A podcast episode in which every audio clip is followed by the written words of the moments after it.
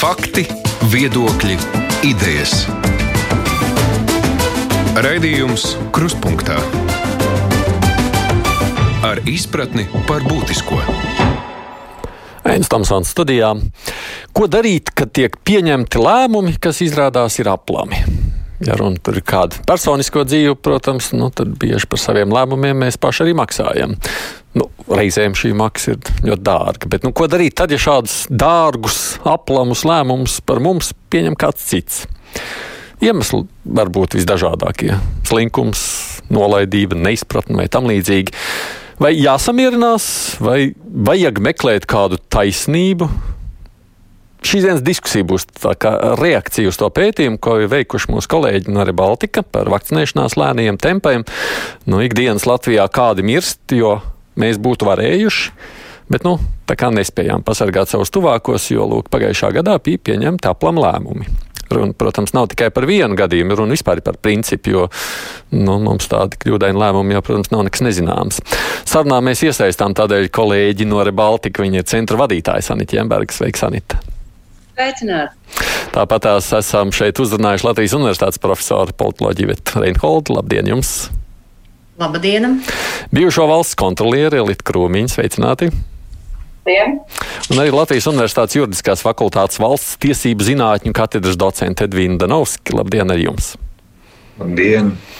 Un mēs arī kādā brīdī vēl sazvanīsim valsts kancelēju. Sanita, sāksim ar tevi pēc tiem pētījumiem par tā vakcinēšanas lēniem tempiem. Kā tu atbildi? Kāpēc tas ir noticis? Tā ir paviršība, neizpratne, slinkuma rezultāts. Man rēti ir bijis tā, ka man trūkst vārdu. Un šoreiz man kā reiz tā bija. Jo šajā vakcīnu iepirkumā atbildības ķēde ir redzama no augšas līdz apakšai. Augšā ir premjerministrs, kurš vada ministru kabinetu, kuru neinteresē pēc būtības svarīgākais jautājums, kas mums palīdzētu iziet no pandēmijas. Atnāk reizi mēnesī noziņo, nevienam nerodas jautājumu, kā tas vakcīnu portfels veidojas, ko mēs pērkam, ko mēs nepērkam, vai mēs no kaut kā atsakāmies. Un tikai līdz laimīgai nejaušībai, kas jau ir pa tālu. Tad tev ir veselības ministrs, kurš uh, tikai viņam zinām iemeslu dēļ neizveido sistēmu, kurā valdību informēt par to, kāds ir piedāvājums šim vakcīnu iepirkumam. Igaunijā un Lietuvā katru vakcīnu pirka valdības. Pie mums veselības ministrs atnāk optimistiski noziņo, nu tik būs, nu tik būs, un visi tā, nu ok, ok, jā, līdz novembrim. Un tad ir ministrijas ierēdniecība, augstākā vadība un veselības iestāžu vadība, kas tiekās neprotokolētās sanāksmēs, kuru dalībniekus var redzēt tikai MS tīma sarakstos, kuri izlemj jautājumu, ko pirkt un ko nepirkt. Šobrīd mums vairs pat nespējot aiziet atpakaļ un restaurējot, kurš bija atbildīgs, kurš ierosināja uz kāda pamata. Plus vēl aiziet uz valdību un noziņo šobrīd acīm redzam maldinošu informāciju par vienas vakcīnas sarežģītību. Nepirksim Pfizeru, jo viņi ir pa sarežģītu. Tu man prasi, oh, kāpēc tas tā notika? Un vienu es varu pateikt, pirmkārt, politiskās vadības trūkums, kas neprasa. Otrs ir normālas lemšanas sistēmas trūkums, kura būtu pārskatāma.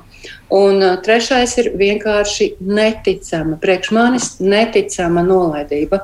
Uh, tik viegliprātīgi izturēties pret svarīgāko lietu, kas uh, man nepatīk būt melodramatiskai, bet šī gadījumā tas nav finanšu zaudējums. Tie ir cilvēki, kas nomirst katru dienu, un kur varēja nenomirt. Un, ja man kāds pateikt, ka par to nav jānes atbildība, es, es vienkārši nepiekrītu. Ja man kāds var teikt, nabaga ierēģi, viņiem nebija uzdevumi, es nepiekrītu, viņiem ir pienākumi. Politiķi atbildēs vēlēšanās, es nepiekrītu. Uh, ir jāatbild tev brīdī, kad tu esi amatpersona, vienalga, kad ir nākamās vēlēšanas, un gan ministrs, gan premjerministrs ir amatpersonas. Es atvainojos par šo monologu, uh, bet mana atbilde ir sistēmas trūkums, neieinteresētība, un nolaidīt. Un vēl tavā klausoties, sajūta, ka nu, tur ir tāda savstarpēja uzticēšanās. Nu, premjeras uzticās ministrei, ministrs uzticās tālāk. Mēs visi viens otram uzticamies, ka būs jau labi. Man liekas, ka šī gadījumā premjerministrs kā reiz neusticās ministrei, un uh, arī uh, viņu konfrontācija nospēlē diezgan lielu lomu no sērijas.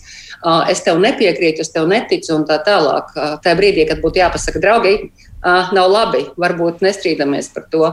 Bet aidi, uh, sabiedrība ir būvēta uz uzticēšanās, bet valsts pārvalde ir būvēta uz rīkojumiem un uz to izpildi un uz piefiksēšanu, kurš ko ir darījis. Uh, tā nav vieta, kur tu kādam uzticies vai neusticies. Tev ir skaidra pārskatāma sistēma, kura šoreiz nav un tāpēc arī nenostrādā.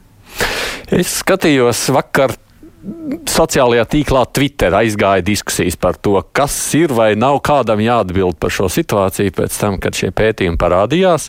Un jāatzīst, es arī redzēju diezgan tādas kritiskas, daudz pat kritiskas notas, sakot, nu kāda atbildība tur ierēģi strādā pēc labākās sirdsapziņas. Viņi jau tā tur reizēm pūls un dara. Un te jūs vēl gribat nokaut jebkādu iniciatīvu, ja jūs no viņiem prasīsiet, vēl sakot, ka viņiem par kaut ko, ko viņi nu, droši vien, ka ne ļaunprātīgi ir pieļāvuši, būtu jāatbild.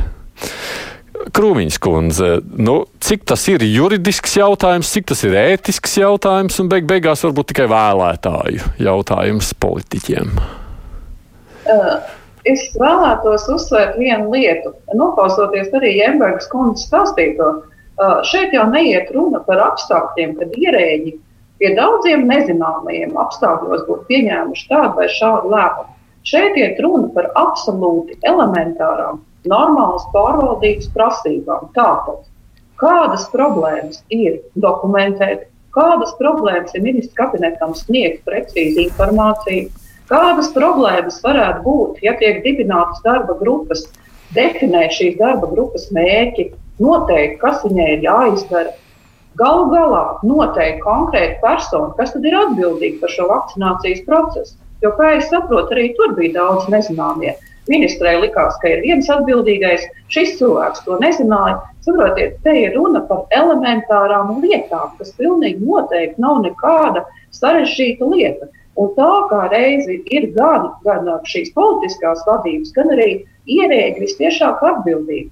Un vēl es gribētu uzsvērt to, ka tas viss nu, ir, manuprāt, elementāri zināms arī ierēdniecībai. Jo galu galā, kāpēc valstī tiek tērēta ļoti liela līdzekļa ierēģiņa apmācībai? Un šīs prasības, ka ir jābūt šiem pārvaldības principiem iedibināt, nu, tie ir visiem zināmi. Un tad ir jautājums, kāpēc šīs elementārās lietas netiek izdarītas. Kad galu galā arī novērst pie šī hausa, pie šīs maldīgās informācijas, pie tā, ka beigu beigās visiem liekas, ka viņi ir bijuši tikai iesaistīti šai darba grupā, neko nav lēmuši. Lēmis ir kaut kas, kurš pēc tam to pilnīgi noteikti neatzīst un tam līdzīgi. Tā kā es domāju, šeit pilnīgi noteikti nevajag aiziet tajā diskusijā par to, ka redziet, ierēdniecība pie daudziem nezināmajiem tagad nu, pieņēma no to lēmumu, un tas pēc tam izrādījās ne tas. Nē, sākums ir absolūti absolūti elementāru pārvaldības lietu neievērošanā. Un, manuprāt, šeit ir ļoti būtiski izvērtēt, kāpēc tas tā ir. Un atbildībai, manuprāt, ir jāiestājas. Cik šī lieta vispār jūsu nu, pieredzes rezultātā ir, jūsuprāt, Ah, nu tāda tipiska Latvijā ah, valsts pārvaldē, jo mēs jau redzam, nav jau tā, ka nebija pat izvērtējumi. Daniels Pavļots rosināja pārbaudi, kuras rezultātu pat es tā īsti nesapratu beig beigās, kas no tās pārbaudas tur sanāca. Man ir jāsaka diezgan skumja vēsts. Tad, kad es šo visu izlasīju, patiesībā es pat nebiju pārsteigts. Es pēc tam, diemžēl, diemžēl, es domāju, ka es laikam būtu bijusi pārsteigta, ja veselības nozarē konkrēti viss būtu noticis tiešām labi. Un tas ir drausmīgi skumīgi. Jo, jo nu, jāsaka, tā, ja mēs paskatāmies vispār šo lielo projektu, lielo lietu vadību, nu, mūsu valstī ar viņu ir neizsakām grūti, ar viņu neizsakām liels problēmas. Un es domāju, ka nu, ir pēdējais laiks tik tiešām saņemties un domāt, kā šos jautājumus risināt. Un cik mums var būt gan e-veselības, gan dažādi citi projekti, kas beidzas ar, ar to, ko viņi ir beigušies. Uh, Un vēl es gribētu vienu lietu varbūt ieskicēt. Visu laiku arī runājot par ierēdniecību, tiek runāts par atlīdzību, tam līdzīgi. Tiek mēģināts tagad virzīt šo vienotu atlīdzības likumu, uh, kur paredzēts atlīdzības pieaugums. Bet kāpēc mēs visu laiku aizmirstam, ka šo atlīdzību vajadzētu saistīt ar reāli sasniegtajiem rezultātiem? Un man liekas, tas būtu viens būtisks solis, ka tiek maksāts ne jau tāpēc, ka tu esi tikai amatā, bet ka tu šajā amatā, nu tātad būtu nodrošinājis šo vakcinācijas procesu Latvijā tā, kā tam būtu jābūt. Tad tu būtu, es nezinu, iepirktis vakcīnas. Nu, kārtīgā veidā. Ja? Un, un, man liekas, tas arī ir viens būtisks aspekts, kas būtu jāņem vērā. Skatoties no juridiskās puses, Danovska kungs, tur ir vispār par ko runāt vai nē, jo mums jau līdz šim tas nu, tādās. Nu, kā saka Krūmiņš kundze, diezgan pierastajās lietās Latvijā nekad jau tādas būtiskas juridiskas sekas nekad nav raisījis. Mm, redziet, likums, neviens likums vien paredz mm, amatpersonu atbildību par pretiesiskiem lēmumiem un nelikumīgu rīcību ar finanšu līdzekļiem. Un šis regulējums, kurš mums gadu gaitā ir attīstījies un radies, es teiktu, ir labs un pārdomāts.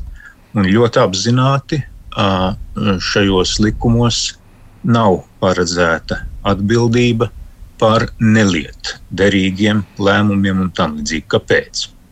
Un tam ir atkal viens ļoti labs iemesls. Šodien um, mēs šīs sarunas iemesls ir jautājums par vakcīnu iepirkumu. Vajadzēja vai nevajadzēja pirkt vakcīnas konkrēti izstrādātāji. Un ir viedoklis, ka šo vakcīnu nepirkšana ir bijusi strateģiska kļūda, nolaidība un kas tik vēl ne, bet tas ir un paliek tikai viedoklis. Tā nav patiesība. Tas ir konkrēti cilvēku viedoklis, kur domā, ka vajadzēja rīkoties citādāk. Bet tajā pašā laikā ir arī iemesli, kāpēc rīcība ir bijusi citādāka, un tie arī nav nekādi nesaprātīgi vai nepareizi argumenti, kas ir izskanējuši. Tāpēc nevajadzētu arī šo piesaistīt, varbūt šo sarunu tik ļoti cieši šim, jo tāpēc jau ir šī liederība.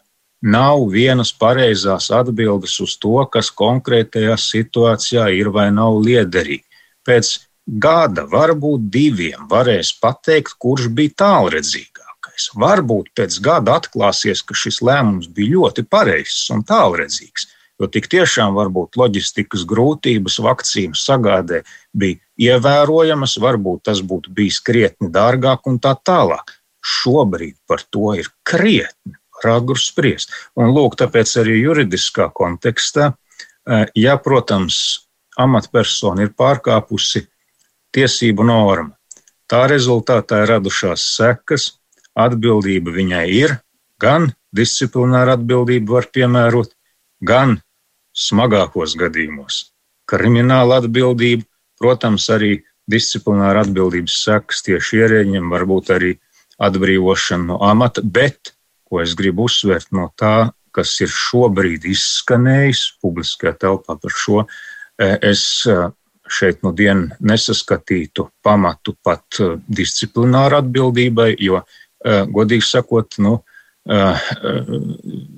šāda varbūt eh, arī šajā brīdī, un te mēs, kā sacīt, pēcpusdienā arī mazliet varam parunāt, kā sacīt, kā pie virtuves galda. Eh, nu, tā ir kaut kāda zināma, manuprāt, nepiemērots brīdis šādi jautājumu risināšanai, ir citas svarīgākas eh, problēmas, par kurām domāt, nevis tagad, kuru tagad mēs atlaidīsim no darba, un mums visiem paliks labāk. Nu, nē. Ja runājam par sistēmiskām problēmām, tad labas pārval, labu pārvaldība, tas ir tāds mērķis, uz kuru, nu, jāsaka, kā horizons. Uz viņu var iet un iet un iet un iet. Un, protams, arī šajā gadījumā ir mācības, kuras nāks par labu droši vien visiem. Hmm. Nu, re, tagad es jūtu, ka Sanita reaģēs uz šo. Jā, tāpēc, es vienkārši. Uh, Es nevaru iedomāties neko svarīgāku, kā jautājumu, kā var izglābt cilvēkus no nāves ko dara vakcinācija.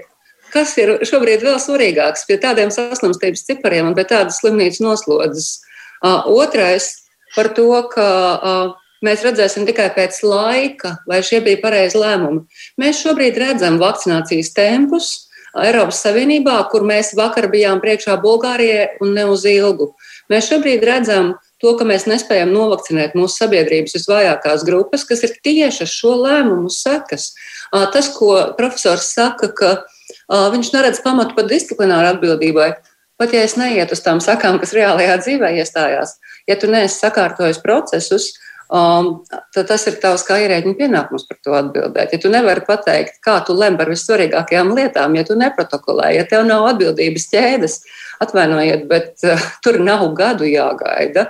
Uh, es domāju, ka mēs esam jau 30, vairāk nekā 30 gadus neatkarīgā valstī dzīvojuši un varējuši to izdarīt. Līdz ar to es, uh, es piekrītu, ka ar kaut kādu laika nogriezni uh, var redzēt, vai cilvēki, teiksim tā, vai tur pēc diviem gadiem mēs esam labākā situācijā, kā tagad ar vakcināciju, ņemot vērā piegādes tempus un, un vakcīnu reģistrāciju. Bet es absolūti nevaru piekrist tam, ka parunāsim par kaut ko svarīgāku, jo beigu beigās cilvēks sajūt par iespēju panākt atbildību no valsts iestājas no vissīkākās lietas, kas ir viņa saskarsme ar būvvaldi vai vēl kaut ko. Bet tad ir tādas lielas sabiedrībai sāpīgas lietas, kurās tu atbildi, kāpēc tas notika kurš par to ir atbildīgs un kā mēs novērsīsim, ka tas nenotiks vēlreiz.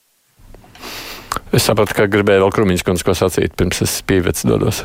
Jā, es, es varu tikai teikt, ka es absolūti nepiekrītu Nāspa kunga teiktajām un pievienojos iepriekšējai runātājai, jo atcerēsimies vienu. Institūcijas vadītājs pilnīgi noteikti ir atbildīgs par to, ka viņa vadītāja institūcija darbojās. Ja? Ievērojot gan šos veidojot iekšējās kontrolas sistēmas institūcijā, veidojot šos lēmumu pieņemšanas procesus. Un vēlreiz, mēs šeit nerunājam par to, ka sarežģītos apstākļos pie daudziem nezināmiem tik pieņems viens vai otrs lēmums. Ja? Mēs runājam par to, ka vispār nav noteikts atbildīgais. Nav izveidota sistēma, kā tiek, kā tiek pieņemta lēmuma par šo vakcīnu. Ja? Nu, tas ir man, manā uztverē, tas vispār ir tādas sistēmas darbība. Es nezinu, par kādu mēs varētu runāt pirms gadiem, nezinu, 20 vai kādiem. Ja? Arī pēc tam, kad mēs veicām šīs revīzijas par masu iepirkumiem, mēs jau runājam par to, ka principā pēc tam, kad ir veikts nu, šādi iepirkumi, gan neprotokolējot, gan nefiksējot, kas patiesībā neprasa nekādu papildus īpašu resursu, jo vai tiešām visā veselības nozarē pietrūkst viena darbinieku, kur varētu nostādīt, kurš tu beig, beigās varētu piefiksēt, kāds lēmums ir pieņemts un kāpēc viņš ir pieņemts. Ja? Un arī pēc tam mēs sniedzām šos ieteikumus, lai to, lai, lai pēc tam šis process tik tiešām tiktu vadīts tā, kā to saprot no labi un normālas pārvaldības uh, valstī, kādu es ļoti cerētu Latvija ir šobrīd. Es domāju, ka mēs vēl pie šī juridiskā aspekta atgriezīsimies, bet tas jau, kas te parādījās, nu redzi, juridiski tā kā ir šobrīd, vai ne? Nu, tad mēs vēl runājam par politisko atbildību. Es tā skatos Reinkolds kundzes virzienā, bet tā politiskā atbildība, nu kāda mums ir politiska atbildība šeit, šitajās, šajās, šādā situācijā? Nu, re, ar to politisku atbildību tur ir tā, ka primārais jau politiskajā atbildībā ir zināmā mērā amatpersonas morālā atbildība par to, ka jā, ir izdarīta kļūda, bet tad tam arī seko attiecīgi rīcība, lai novērstu kļūdas sekas. Un tas, kas visvairāk arī administratīvās kultūras kontekstā, politiskās kultūras kontekstā, mani kā Latvijas iedzīvotājs šokē, ir tieši tas, ka ir disciplināra izmeklēšana, tad it kā neviens nav vainīgs, ir atziņa par to, ka ir strateģiska kļūda, Lieliski! Lai būtu viedoklis, atziņa par to, ka ir strateģiska kļūda. Un to strateģisko kļūdu tagad var jau pierādīt ar datiem. Bet kur seko rīcība, lai mēģinātu šīs rīcības negatīvās sekas novērst? Vai kāds ir īpaši pēc tam zvanījis uz, uz Vāciju, lūdzu, ja jums paliek pāri vakcīnas, lūdzu, dodiet mums? Vai kāds ir īpaši zvanījis, rakstījis ēpastus uz Eiropas komisiju un lūdzis, pieļāvām kļūdu, varbūt varam kaut kādā veidā. Nē, mēs neesam faktiski dzirdējuši pēc tam, ka būtu rīcība, lai novērstu negatīv, negatīvās sekas. Nu, kaut tas, kāda ka... rīcība jau bija, bija tālāk jauna iepirkuma meklēšana, tur jau beig beigās Jā. jau tur. Jā, bet, bet, bet vēstījums kāds ir aizgājis? Veselības drošība Starp citu, drošības studijās veselības drošība, un arī Latvijā es pati veicu pētījumu, veselības drošība ir augstākā lieta, kas Latvijas iedzīvotājiem ir svarīga. Jo, ja nav veselības, tad automātiski izkrīt no darba tirgus, sociālās aprits un tā tālāk. Un tā tālāk. Un tagad patiesībā mēs tā eleganti spēlējāmies ar veselības drošību. Nu tā, nu tā pa elegantu. Nu nesanāca nopirkt mums tās vakcīnas. Nu nekas, gan jau kaut kas cits vietā būs. Respektīvi, šeit ir tāda klaja, klaja situācija, ka sistēma var pārkāpt visus tos principus, par kuriem jau klasiskā birokrātijā runā. Institucionāla atmiņa, profesionālitāte, pamatojums rīcībai. Nu, pamodelēt, kas būs, kādas būs sekas, tas viss ir vienkārši nu, palicis tāda, kā lai saka, zūma vai tīma sarunu līmenī, un pēc tam ir tāds, nu, kādas, tā teikt, kopīgas šausmas, vai cik nesmuki sanāk. Nu, Bet nevienam jau par to nav jāuzņemas atbildība. Ministrs atlaišana nav politiska atbildība. Jautājums, vai pēc ministras atlaišanas mums ir bijis būtisks uzrāviens? Nu, nav jau vairs ko uzraugt. Tur vai ir jau līdz lietas, kuras tu vairs laikam īsti izlabot nav iespējams. Tos, tās kļūdas, kas tika pieļautas tajā laikā līdz Sanīt droši vien precizēs novembrim. Jā. Līdz Ziemassvētkiem, līdz Ziemassvētkiem. Nu, tās vairs īsti izlabot nevar, vai ne? Tur neko. Nē, izlabot jau izlaboja, izlaboja situāciju, nevis kļūdas. Tāpēc, ka nākamajos vakcīnu iepirkumos tiešām ņēma visu, ko varēja paņemt, saprotot, ka. Uh, ka vienu, nu, tur ir viena neskaidrais. Nu, kas būs, protams, pieejami vēlāk? Nu, tieši viņas būs pieejamas vēlāk, bet viņas būs pieejamas. Mm -hmm. Bet nu, mhm. līdz tam brīdim, kamēr tās vakcīnas būs pieejamas, tomēr zināms skaits cilvēku nomirs. Nu, jā, tur ir tāda lieta, un tur jau vairs neko nevar izdarīt šobrīd. Nu, ko tur var izdarīt? Neko. Nu, vienkārši novērst, novērst sekas, lai nākamreiz neatkārtotos. Bet es gribu, ja es drīkstu, paturpināt, paturpināt to, ko Vārds kundze iesāka par veselības drošību. Jo um, man liekas, ka par atbildību, kad normāls cilvēks klausās, parastais cilvēks, vēlas zināt, vai situācijā, kur būs skartas viņa intereses no valsts iestāžu lēmuma puses, vai viņš varēs saņemt teiksim, tiesisku risinājumu vai godīgumu. Un šajā pašā Covid situācijā, pašā pavasara sākumā, bija šis gadījums, kur pazīstamam cilvēkam Ogres slimnīcā nomira tēvs, saslimā ar Covid Ogres slimnīcā. Dēls redzēja, ka netiek lietoti aizsargu līdzekļi, ka tās tiek ievietotas tajā pašā palātā, kur ir slimnieki, un rezultātā cilvēks aiziet bojā. Un, protams, ka tajā brīdī tu gribi atrast atbildību, kāpēc. Jo nu, dievam tev nav jāprasa, vai ne? Nu, tur tu neko īsti nedabūsi. Bet tur bija konkrēti lēmumi, vai slimnīcā ir aizsarga līdzekļi, kāpēc tādā procesā viņi liek tur. Un tas ir normāli, ka cilvēks iet meklēt taisnību par savu tuvāko. Un, manuprāt, tas, kas Latvijā iztrūkst, un tas ir lielā mērā saistīts ar to, ko Latvijas Universitātes profesors Danovskis teica, ka juridiski it kā viss ir kārtībā, sistēma ir labi uzbūvēta, bet cilvēks nesaņem. Šī sistēma nestrādā veidā, kas aizstāvētu šie cilvēki intereses, bet viņam drīzāk rodas sajūta, ka sistēma strādā, lai aizstāvētu sistēmas pašas intereses. Jo, kad tev mirst tuvinieks, tu par ārstu lēmumiem vai slimnīcas vadību ej uz veselības inspekciju.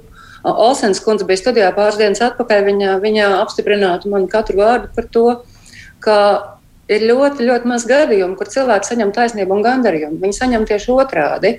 Viņi saņem jūsu vārdu pret manu vārdu. Proti, inspekcija nesāk strādāt no cilvēka interešu viedokļa, bet ļoti formāli beigās nosedz valsts iestādes neizdarību.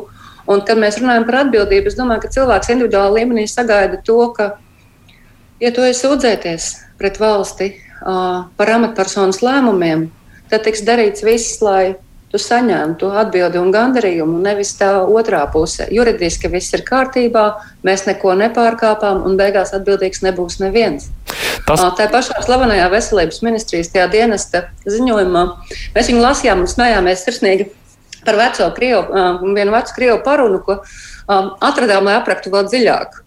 Un tu lasi, un, un tur ir uh, rakstīts, ka neviens formāli neko nav pārkāpis. Visi ir rīkojušies savu pilnvaru robežās, bet rezultāts ir tāds, kā tas ir.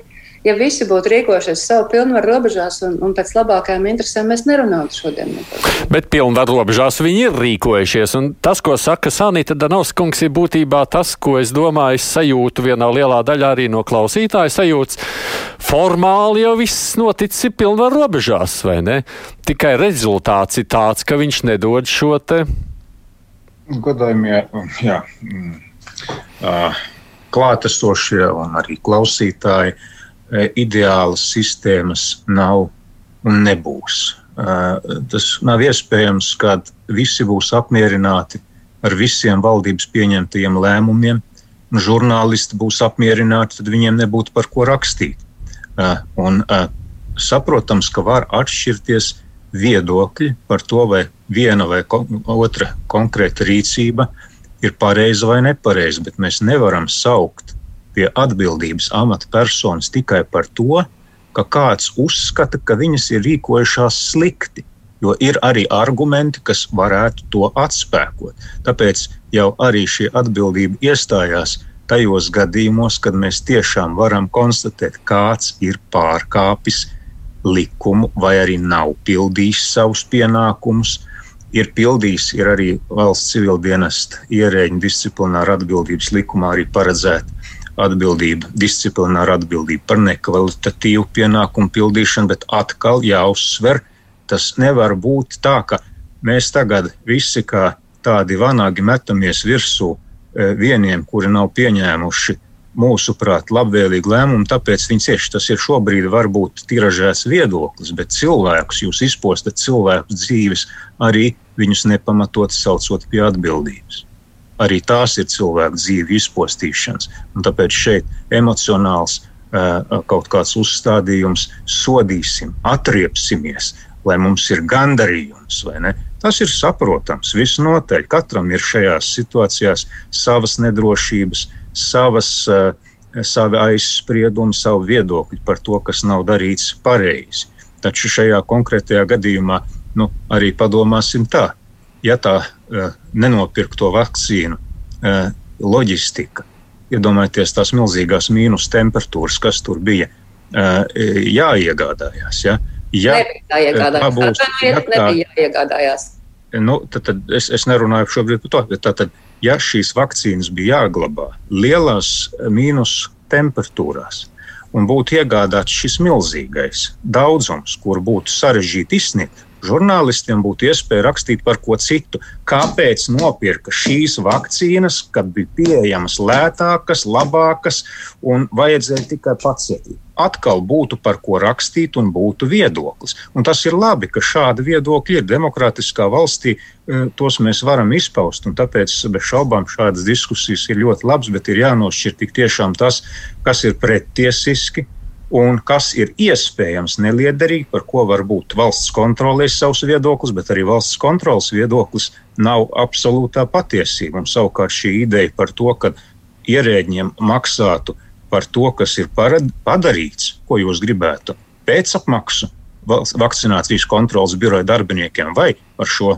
īpatnējo veikumu. Nu, jāsaprot arī, ka ir viegli, protams, pateikt, nav kārtībā Nav, bet saprotiet, cilvēkiem, kas šobrīd to klausās, tā nav absolūtā patiesība, ka kaut kas nav kārtībā.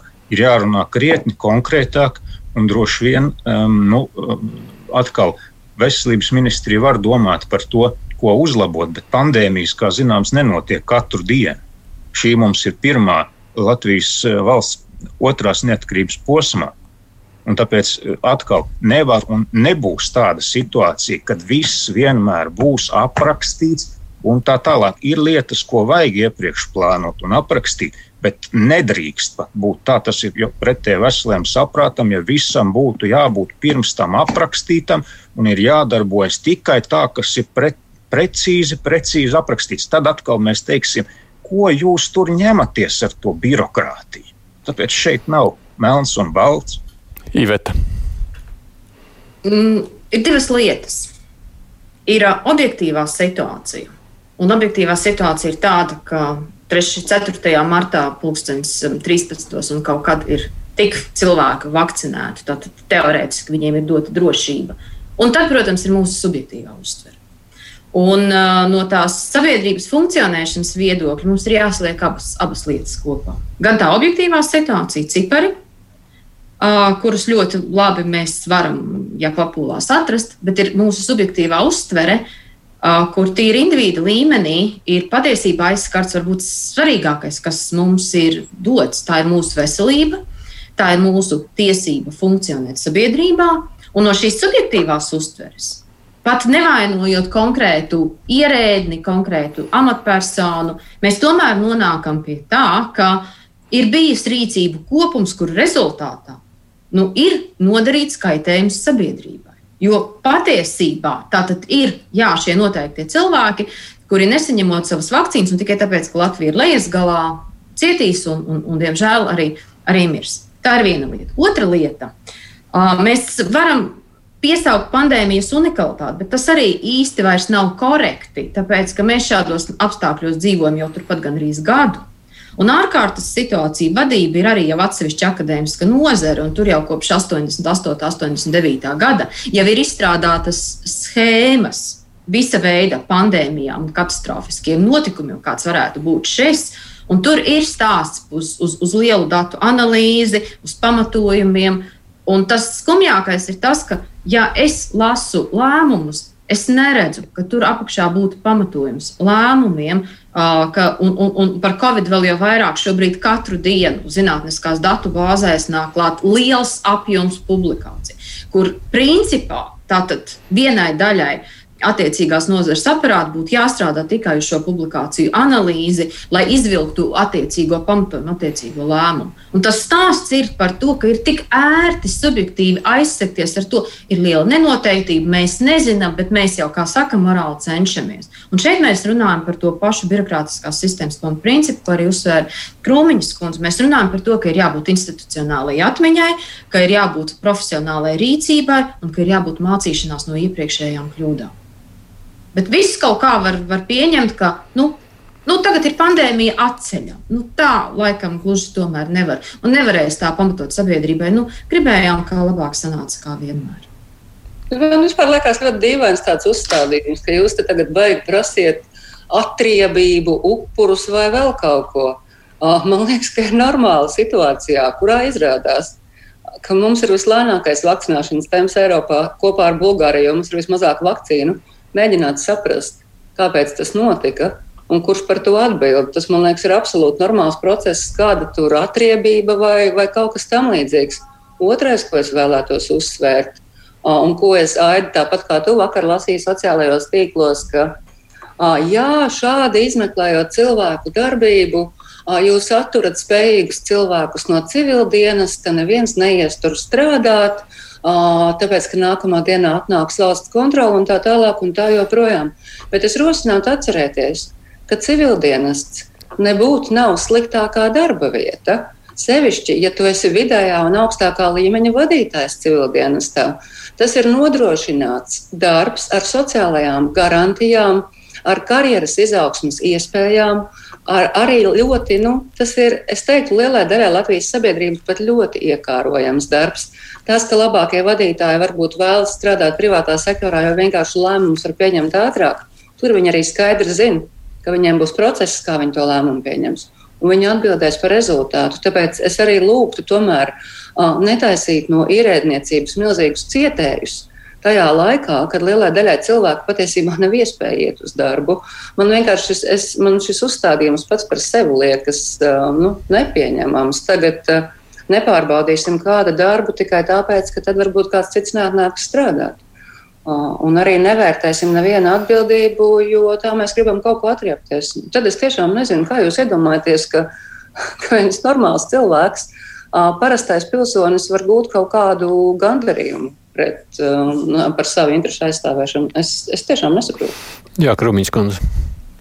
Jā, es arī gribētu papildināt ar to, ka mēs jau tiešām neaicinām uz kaut kādu linču tiesu un uh, tam līdzīgi. Bet tas, kas man liekas, ir elementāri saprotams, kāpēc tā. Un mēs redzam, ka šo procesu valstī ir noticis tā, kā tas ir noticis, notiek izvērtējums. Ja? Un tiek vērtēts, kāpēc tas tā ir noticis.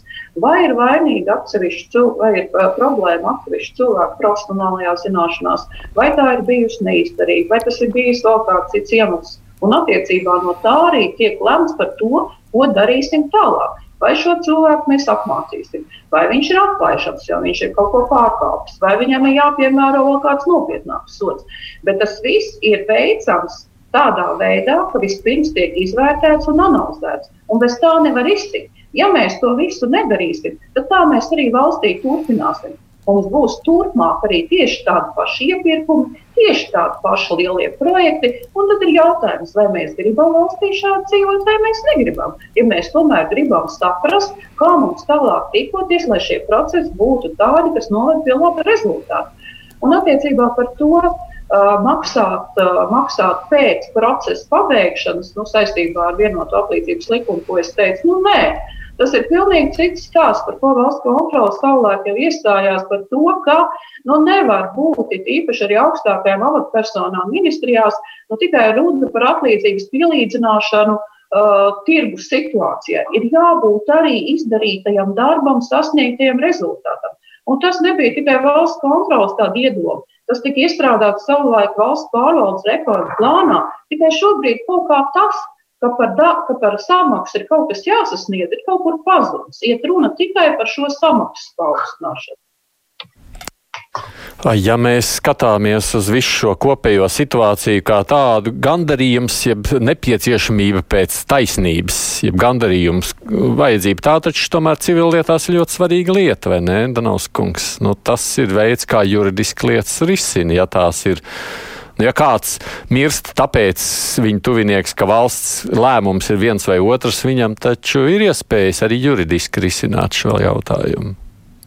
Mm, ja jūs runājat par nekvalitatīvu veselības aprūpi un konkrētu gadījumu, kad uh, ārstniecības persona ir nu, diena pārkāpusi profesionālās uzvedības standartus, tad bez šaubām, jā.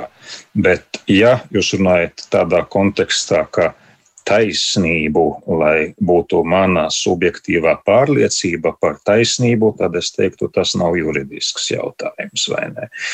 Un arī šajā konkrētajā gadījumā, ja tik tiešām kāda persona veselības aprūpes iestādē būtu šķīrusies no dzīves vai arī guvusi veselības traucējumu ārsta kļūdas dēļ, tam līdzīgi kur jau ir zināmi medicīniskie standarti, bez šaubām tiesiskās aizsardzības līdzekļi par šo ir. Tas tiesa. Un arī bez šaubām ir svarīgi um, valsts pārvaldei no dienu pēc noteikta laika posma izvērtēt notikušo tādā ziņā, ka uh, mācoties no kļūdām, var procesu uzlabot. Bez šaubām. Taču, tad, kad jūs sakat, mēs gribam noskaidrot atbildīgo, pie šīs frāzes um, ir, viņai ir divas nozīmes. Atbildīgais kā persona, kura pieņēma par to lēmumu, tas ir visnotaļ uh, leģitīmi par to interesēties un pētīt un tā tālāk. Otrs ir aspekts, vai ar to frāzi saukt pie atbildības, jurists uzreiz to saprot. Tātad krimināla atbildību, kurš pantiņš krimināla likumā, vai arī disciplināra atbildību, samazināsim mēnešu algu vai atlaidīsim no darba.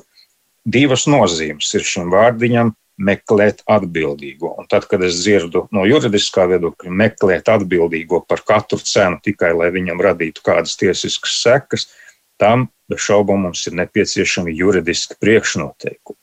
Pārējā izpratne meklēt atbildīgo, kurš var skaidrot, kāpēc šāds lēmums tika pieņemts, un arī politiskās atbildības kontekstā uz priekšu bez robežām. Mēs esam sazvanījuši šobrīd valsts kancelejas direktoru Jāni Citskovski. Labdien jums! Labdien! Jūsuprāt, mēs, protams, runājam šobrīd viss pamatā ap šo vakcīnu iepirkumu, bet runājam, protams, par sistēmu kā tādu. Kur ir tā robeža, cik vai par kļūdām, nu, kas nav šobrīd jā, juridiski noziedzīgas kļūdas, ir kādam jāatbild vai nav? Nu, atbildība valsts pārvaldē civildienestā ir noteikts juridiskais regulējums. Ir uh, civildienesta likums, mums ir dis, uh, ierēģiņa disciplināra atbildības likums. Uh, Galu galā ir, ir krimināla likums par ļoti nopietniem pār, uh, pārkāpumiem. Uh, Līdz ar to tas juridiskais ietvers ir stingri noteikts un atbilstoši tam arī vērtē katra atbildība katrā konkrētā situācijā. Situācijā, kādu mēs redzam šobrīd, pieņemsim stāstā par vakcīnu neiepirkšanu. Tur jau nav tikai viens pat konkrēts personis, pa kurām mēs skatāmies. Tur ir sistēma, kā teica Sanita Čemberga, tāda ķēdīta no augšas līdz apakšai. Ir jāizvērtē ir jāpārskata un ir jāmeklē tur kāds taisnīgums vai nav jūsuprāt? Nu, katrā situācijā ir eh, vairāk aspektu. Viens ir šis juridiskais atbildības aspekts. Uh, arī šajā gadījumā notiek uh, šīs pārbaudas, lai noskaidrotu šo atbildības aspektu. Un otrs aspekts ir sistēmas pilnveidošanas. Mēs saprotam, ka pašā sistēmā ir kādi trūkumi, kuri pēc izvērtējuma ir, ir jāpilnveido. Nu, Tāds racionāli pieeja, kā mācīties no tām mūsu kļūdām un kā nākotnē viņas novērst. Jums kāds savs viedoklis, skatoties par vakcīnām, ir jau šajā kontekstā? Nu, šobrīd uh, publiskā telpa ir pilna ar viedokļiem, uh, personīgiem, subjektīviem, un uh, mans viedoklis būs kārtējais subjektīvais viedoklis, kurš, kurš balstās kādā iekšējā pār to, ko es redzu uh, publiskais, uh, publiskā pārvalde, īpaši veselības joma, ir, ir tā pārslogot šajā brīdī. Uh, un tā skaitā veselības ministrija. Uh, tad, kad notiek tā konfrontēšana par to, ka uh, tur kāds protokols nav bijis vai vēl kaut kāda, jā, tas viss ir saprotams, ka grib noskaidrot lēmumu pieņemšanas ķēdes vai atbildīgos, bet, uh, nu, tev ir jāizšķirās, uh, es varu būt ļoti Part, bet, ja ārstam ir jāizšķirās vai aizpildīt uh, kādu papīru, lai glābtu dzīvību, viņš, protams, izvēlēsies glābt dzīvību. Un um, arī ierēģiem nu, nereti nāks situācija, kad vai tev ir jāizpild process pēc burta un jāsaraksta protokols un vēl kaut kādas lietas. Un saprotams, ka sabiedrība grib zināt, noskaidrot, kurš ir atbildīgs par tiem lēmumiem. Man vairāk kā cilvēki, kas, kas atbild par publisko pārvaldu lielā mērā, interesēt, lai sistēma spētu to rezultātu sasniegt. Bet nav jau beigās tās dzīvība arī glābta. Nav jau neviens ne otrs. Nav ne papīra, ne dzīvība glābta. To, to noskaidros cilvēki, kas konkrēto lietu izmeklē, kas konkrēti ir darīts vai nav izdarīts un kāda ir atbildība katrai amatpersonai. Tas ir tas, kas mani satrauc, jā, tas, tas rezultāts. Jo, ja rezultāts būtu, būtu un tās vakcīnas un sabiedrība būtu nu, saņēmusi to ilgi gaidīto cerību, nebūtu jau šī, nu, šīs diskusijas kā tādas. Arī domāju, šodien krustpunktā un plašākā mediju telpā, bet šo vakcīnu nav. Tad ir jāsaprot, kas bija pamatā šim lēmumam, kādi tie apstākļi uz konkrēto lēmumu pieņemšanas brīdi. Jo mēs jau ļoti bieži vērtējam ar šodienas skatu, skatoties atpakaļ. Tad ir objektīvā uh, Mm, realitāte, vai tajā brīdī bija uh, pamatoti pieņemt šādus lēmumus, kas ir tie argumenti, apstākļi konkrētajā brīdī, un to izvērtēt un saprast, kādas ir konkrētās uh, lēmuma problemātika, atbildība personām un kā novērst uh, iespējamas līdzīgas situācijas uh, ja ir problēma konstatēta uz priekšu nā, uz nākotni. Pirms cits, kaut, jā, jā, es gribēju teikt tieši Sanita.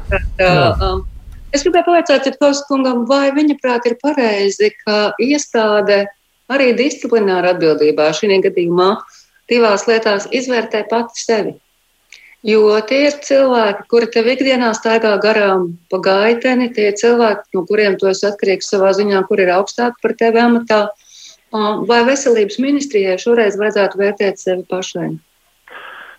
No objektivitātes viedokļa skaidrs, ka vērtēt pilnīgi ārpus sistēmas, kā arī organizācijai, tas, protams, ir neatkarīgāk. Ja? Nepastāv nekādas reālas vai, vai šķietamas nu, iespējas šo, šo procesu nu, tīri no subordinācijas vai kādiem citiem principiem. Es piekrītu no tāda objektivitātes vai uh, uh, uzti, uzticēšanās uh, skatu punkta, lai uh, sabiedrība vai uh, Bet arī šīs dienas pārbaudas jau tiek veselības ministrija organizē piesaistot citu ministriju cilvēkus, kā reiz lai nodrošinātu. Jo, ja to veikt tikai pati organizācija, kā iekšējā izmeklēšana, nu, arī to var veikt, mēģinot pietiekami nodalīt šo um, izmeklēšanu no Bet, uh, ja nav to iespējams, tad jā, ārēji viennozīmīgi tas ir um, daudz lielāku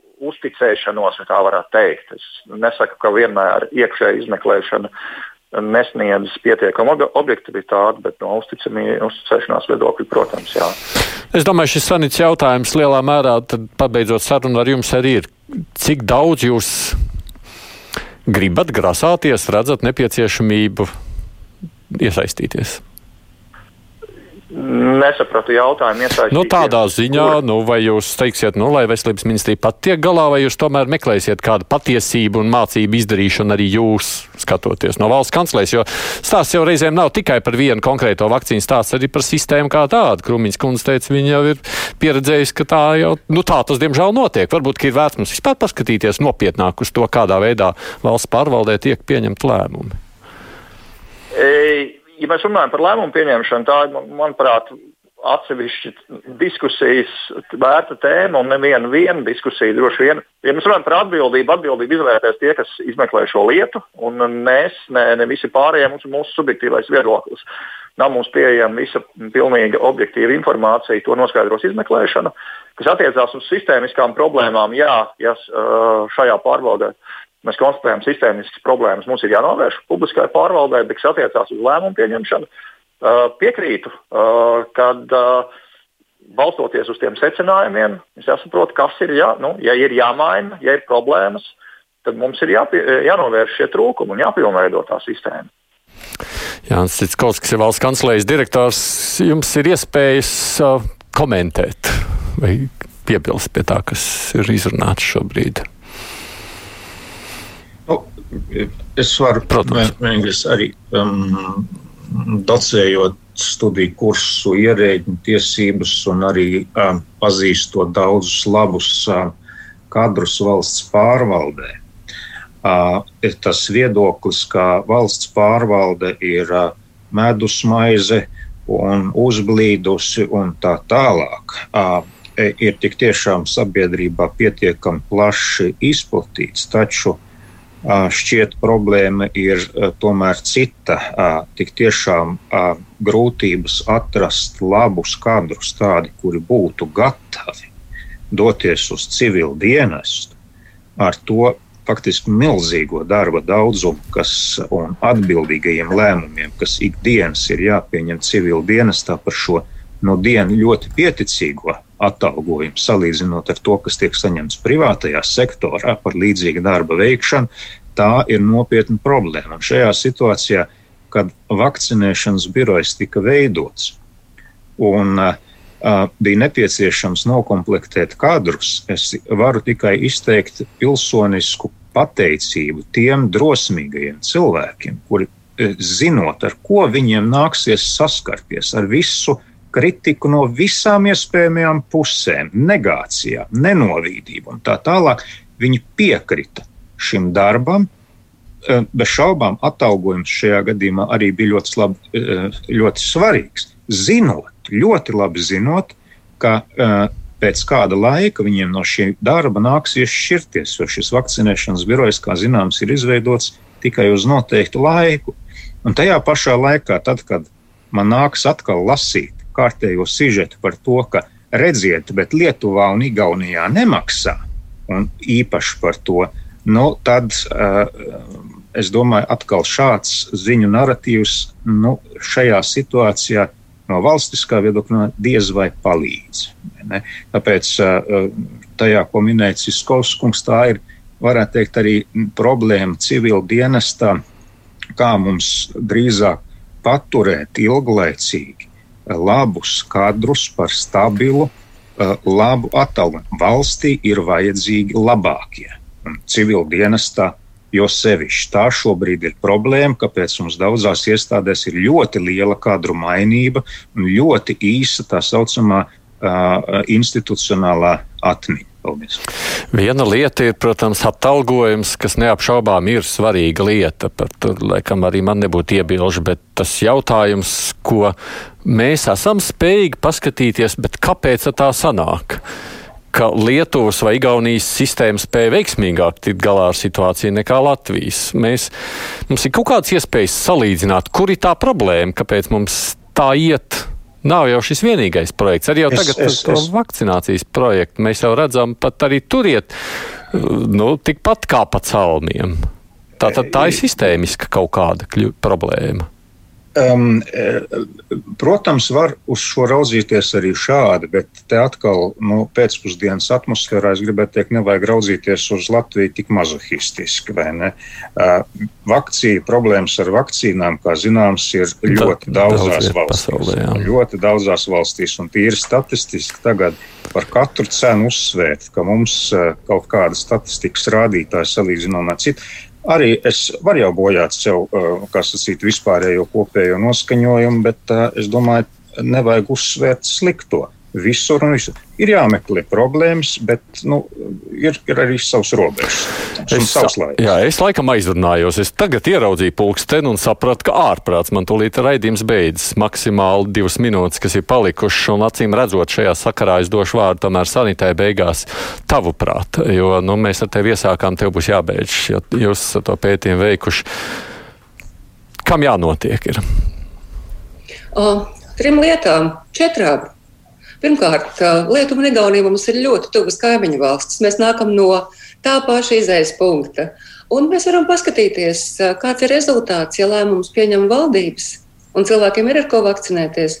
Un, ja lēmumus nepieņem valdības un cilvēkiem nav ar ko vakcinēties, mēs varam no viņiem mācīties, noskaidrojot, kāpēc viņiem sanāca, mums nesanāca. Otrais, nu, veselības ministrijā notiek divas dienas pārbaudes Knāps ir sācis resorisko pārbaudi, es tā saprotu, janvāra vidū par šo iepirkumu, bet man iekšēji vairs. Man nav ticības nu, tam, ka sistēma var sevi izmeklēt pati veselības ministrijā. Priekš manis šis ir viens no smagākajiem, no tādām smagākajām kļūdām, vismaz pēdējo piecu gadu robežās.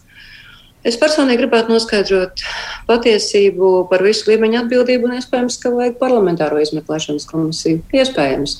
Jo pēc gadiem, pieciem, skatoties atpakaļ uz pandēmijas pārvarēšanu, cilvēki domās par to, kā mēs sapotājāmies, kurā laikā, kad mēs varējām atgriezties darbā, cik mēs cietām ekonomiski, cik labi mēs kā valsts spējām pieņemt lēmumus.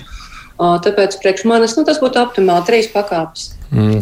Pašu savu disciplināro, tad, kad apskatās kriminālo, Un tad parlamentārā izmeklēšana paskatās politisko un visu ainu kopā un pasaka, ka okay, šis notika un mēs rīkosimies savādāk. Man tas liktos objektīvi. Jā. Paldies, es jums saku par sarunu. Ļoti ātri paskrējuši un droši vien vēl daudz aspektus es labprāt būtu pārunājis, bet laiks vairs neļauj.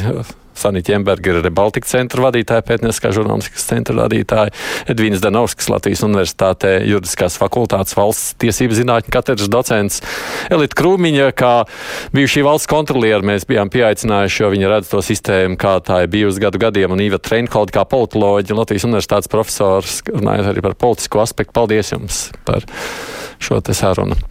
Kruspunktā producenta Revi Junām un studijā šo diskusiju vadīja Esaidis Tomsons.